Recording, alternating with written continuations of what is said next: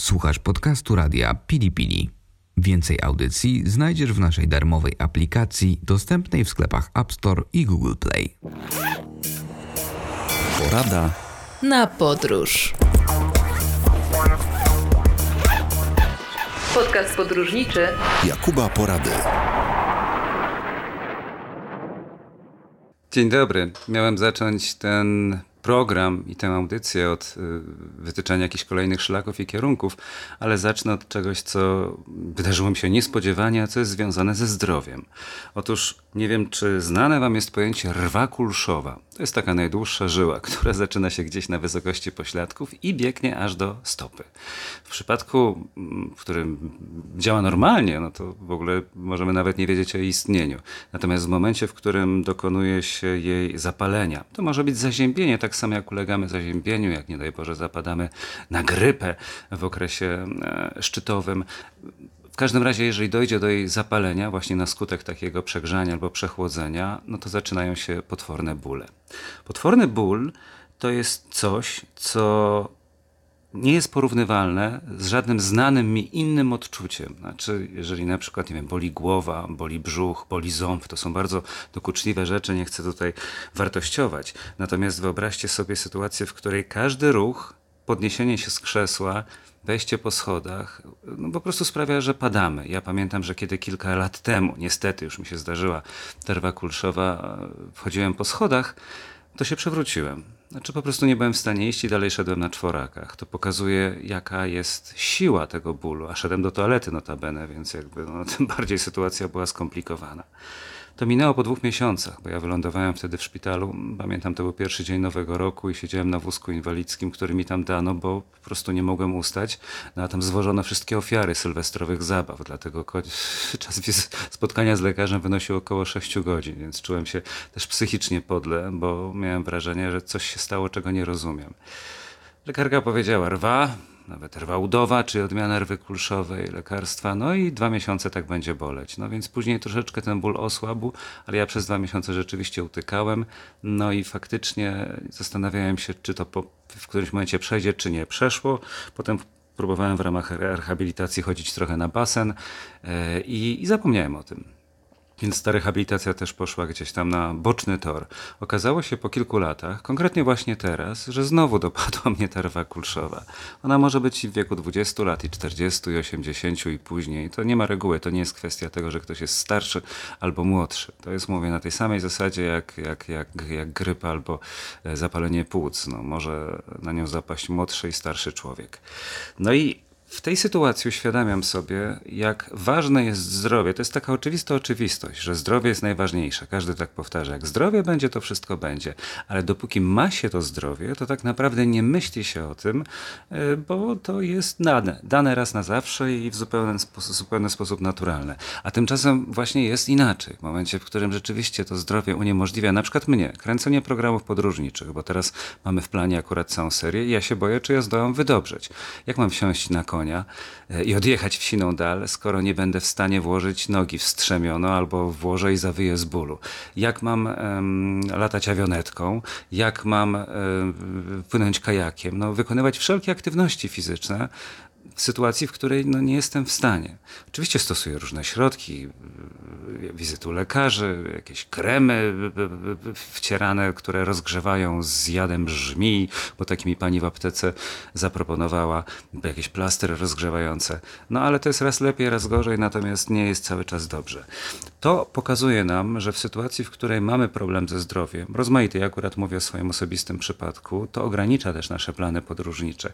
Dlatego mm, też trzeba po prostu o to zdrowie dbać poprzez właśnie aktywność fizyczną, poprzez rehabilitację w sytuacjach, w których jesteśmy zdrowi i później sobie dopiero planować jakieś podróże, ale cały czas pamiętając o tym, żeby po prostu nie przeholować, nie przegrzać się na słońcu w jakimś bardzo gorącym miejscu jak plaża w Zanzibarze.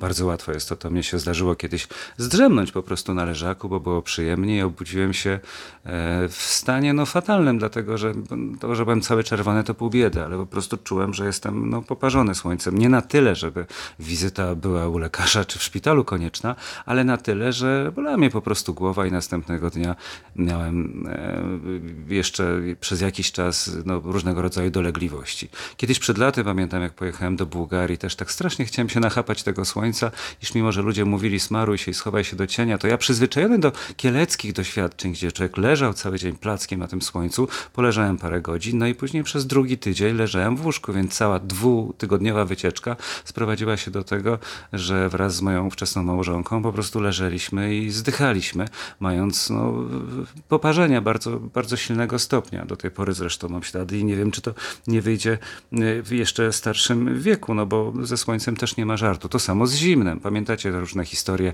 e, ludzi, którzy zapisują się na kursy przetrwania, a potem idą hartując swoje ciało na przykład na szczyt śnieżki, natomiast nie są w stanie już zejść, bo akurat okazuje się, że ciuchy są na tyle zamrożone, że nie można ich włożyć.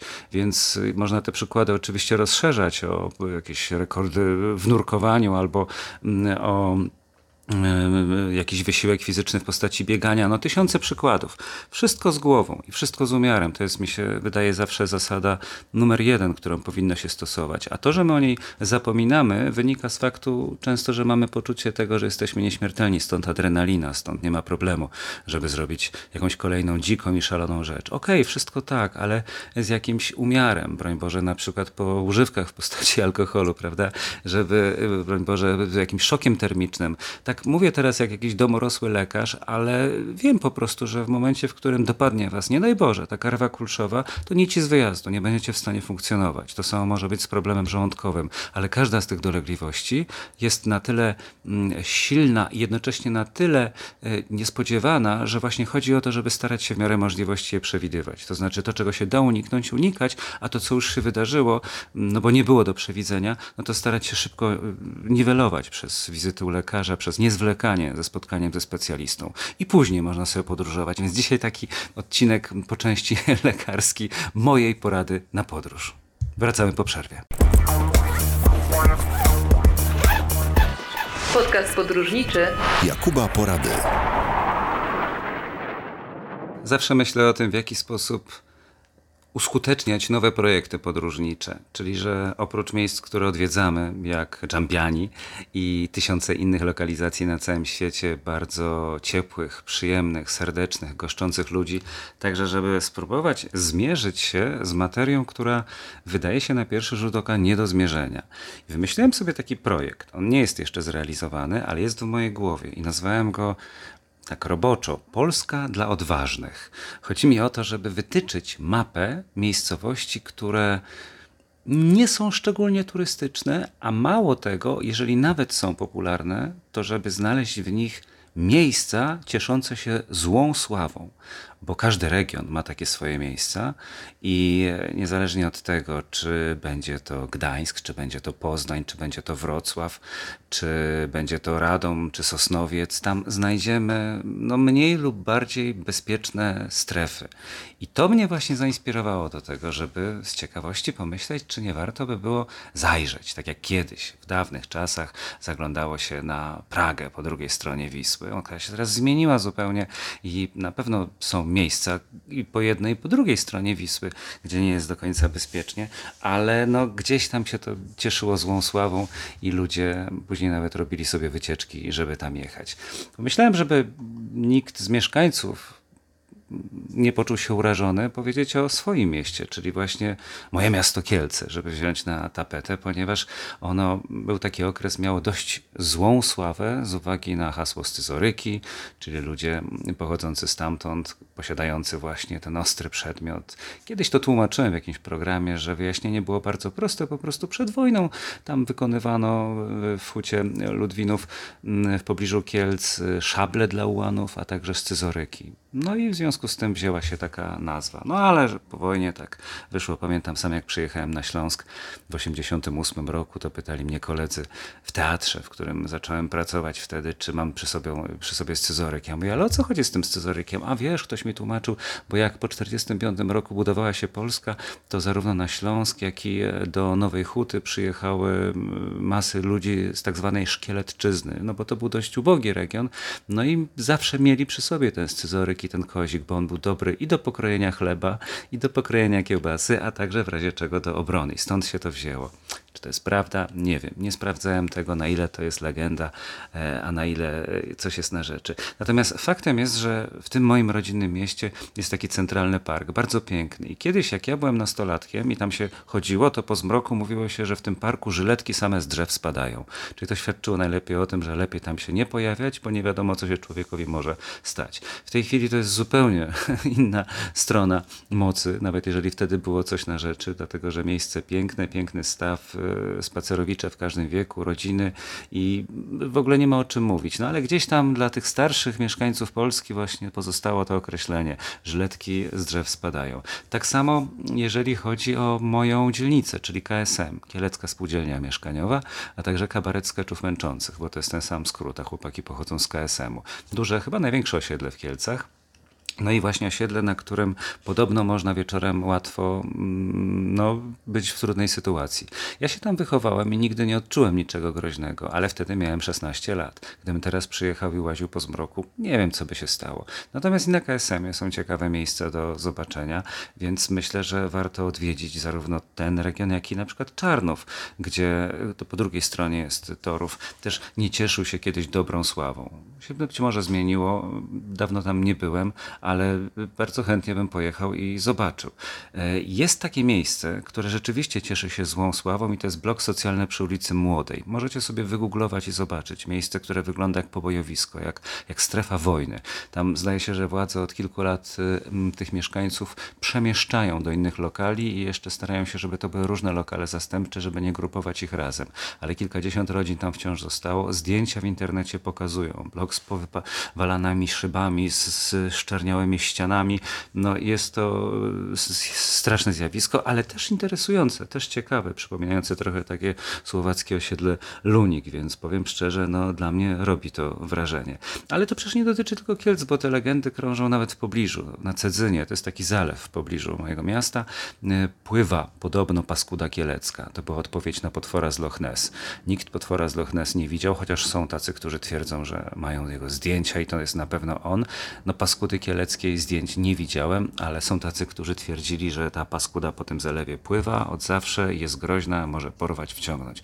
Ludzie potrafią wytwarzać sobie legendy, częściowo na użytek promocji turystycznej, kiedy wiadomo z przymrużeniem oka, że jakiś zbój, madej czy inny gdzieś tam w lasach grasował i może przyjść, albo jakaś biała dama straszy na zamku w Janowcu, to zawsze tak podbija nieco wyobraźnię, no i sprawia, że ci, którzy przyjeżdżają, czują się lepiej. W tych z kolei dzielnicach, które nie cieszą się najlepszą sławą, też zawsze można znaleźć e, naprawdę interesujące miejsca, parki, place, też również jakieś zabytki, a nawet samo to jest ciekawe też do zobaczenia. Jakbyście pojechali za granicę, na pewno chętnie by człowiek wybrał się właśnie w takie miejsce, być może w autobusie, żeby nie wychodzić, ale, ale no, warto też myśleć o, o podróżach w taki sam sposób i pamiętać, że strach ma wielkie oczy, to prawda, ale także trzeba je mieć z tyłu głowy, bo przecież nie ma miejsca w którym można powiedzieć, że zawsze jest super bezpiecznie i takie, w którym jest zawsze super niebezpiecznie. Jest jakaś tam oczywiście gradacja,